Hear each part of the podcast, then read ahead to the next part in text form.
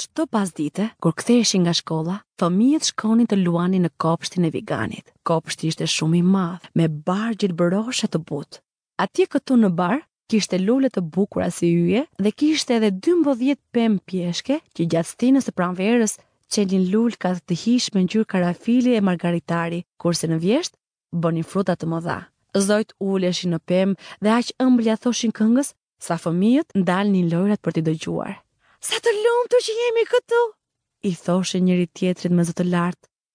Ndodhi që një ditë prej ditësh, Vigani u kthye.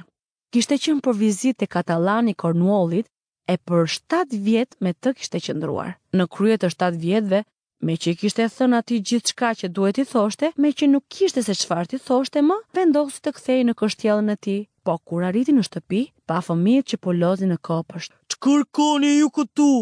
tha me zë të ashpër dhe fëmijët ia mbathën me të katra. Ky është kopshti im, jo i juaj! tha Vigani. Këtë nguliteni mirë në mendje dhe s'do të lejoj askënd të luajë përveç meje. Prandaj, ai ndërtoi një avlli të lartë rreth e qark tij dhe vuri një tabelë që thoshte shkelësit dënohen. Ai qe vigan jashtëzakonisht egoist, Tani fëmijët e gjorë nuk kishin ku të luanin. U orvatën të loznin në rrugë, por ajo ishte plot pluhur dhe me gurë, kështu që nuk e pëlqyen. Pasi mbaronin mësimet, sorollateshin rreth e rrotull murit rrethues të lartë dhe flitnin për kopshtin e bukur që ndodhej brenda murit. Sa të lumtur që ishim kur luanim atje! i thoshin shoshoqit. Erdhi pranvera, dhe në tërë vendin çelën lule, erdhën zogjtë e vegjël, vetëm në kopshtin e viganit egoist, bënte ende dimër. Zogjtë nuk e vritnin mendjen të këndonin, me që atje nuk kishte më fëmijë, kurse pemët kishin harruar të çelnin. Vetëm një herë, një lule e bukur nxori kryet nga bari, po kur pa tabelën paralajmëruese, i erdhi aq keq për fëmijët, sa uli prapë kryet në dhe e zuri gjumi. Të vetmit persona që mirëpriteshin atje qenë Bora dhe Ngrica. Ah! Meqë pranvera e ka harruar këtë kopësht, thoshin ata me zë të lartë, do të banojmë këtu për një vit plot. Dëbora e mbuloi barin me zhgunin e saj të madh bardhak, kurse ngrica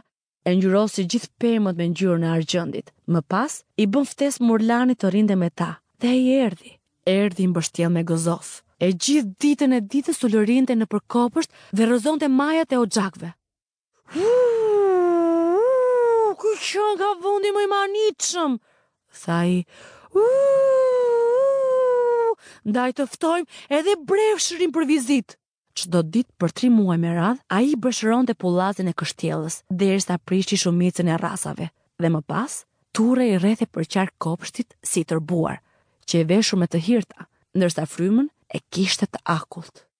S'arrij ta kuptoj se pse po mënon të vijë kjo pranvera.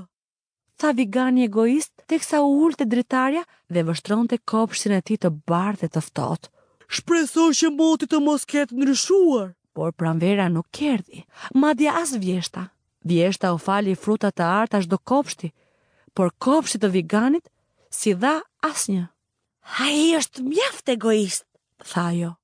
Ndaj atje bënte gjithnjë dimër dhe murlani, breshëri, ngrica dhe bora hidhnin valle te pemët. Një mëngjes, Vigani po rrinte zgjuar në shtrat kur dëgjoi një muzikë të këndshme.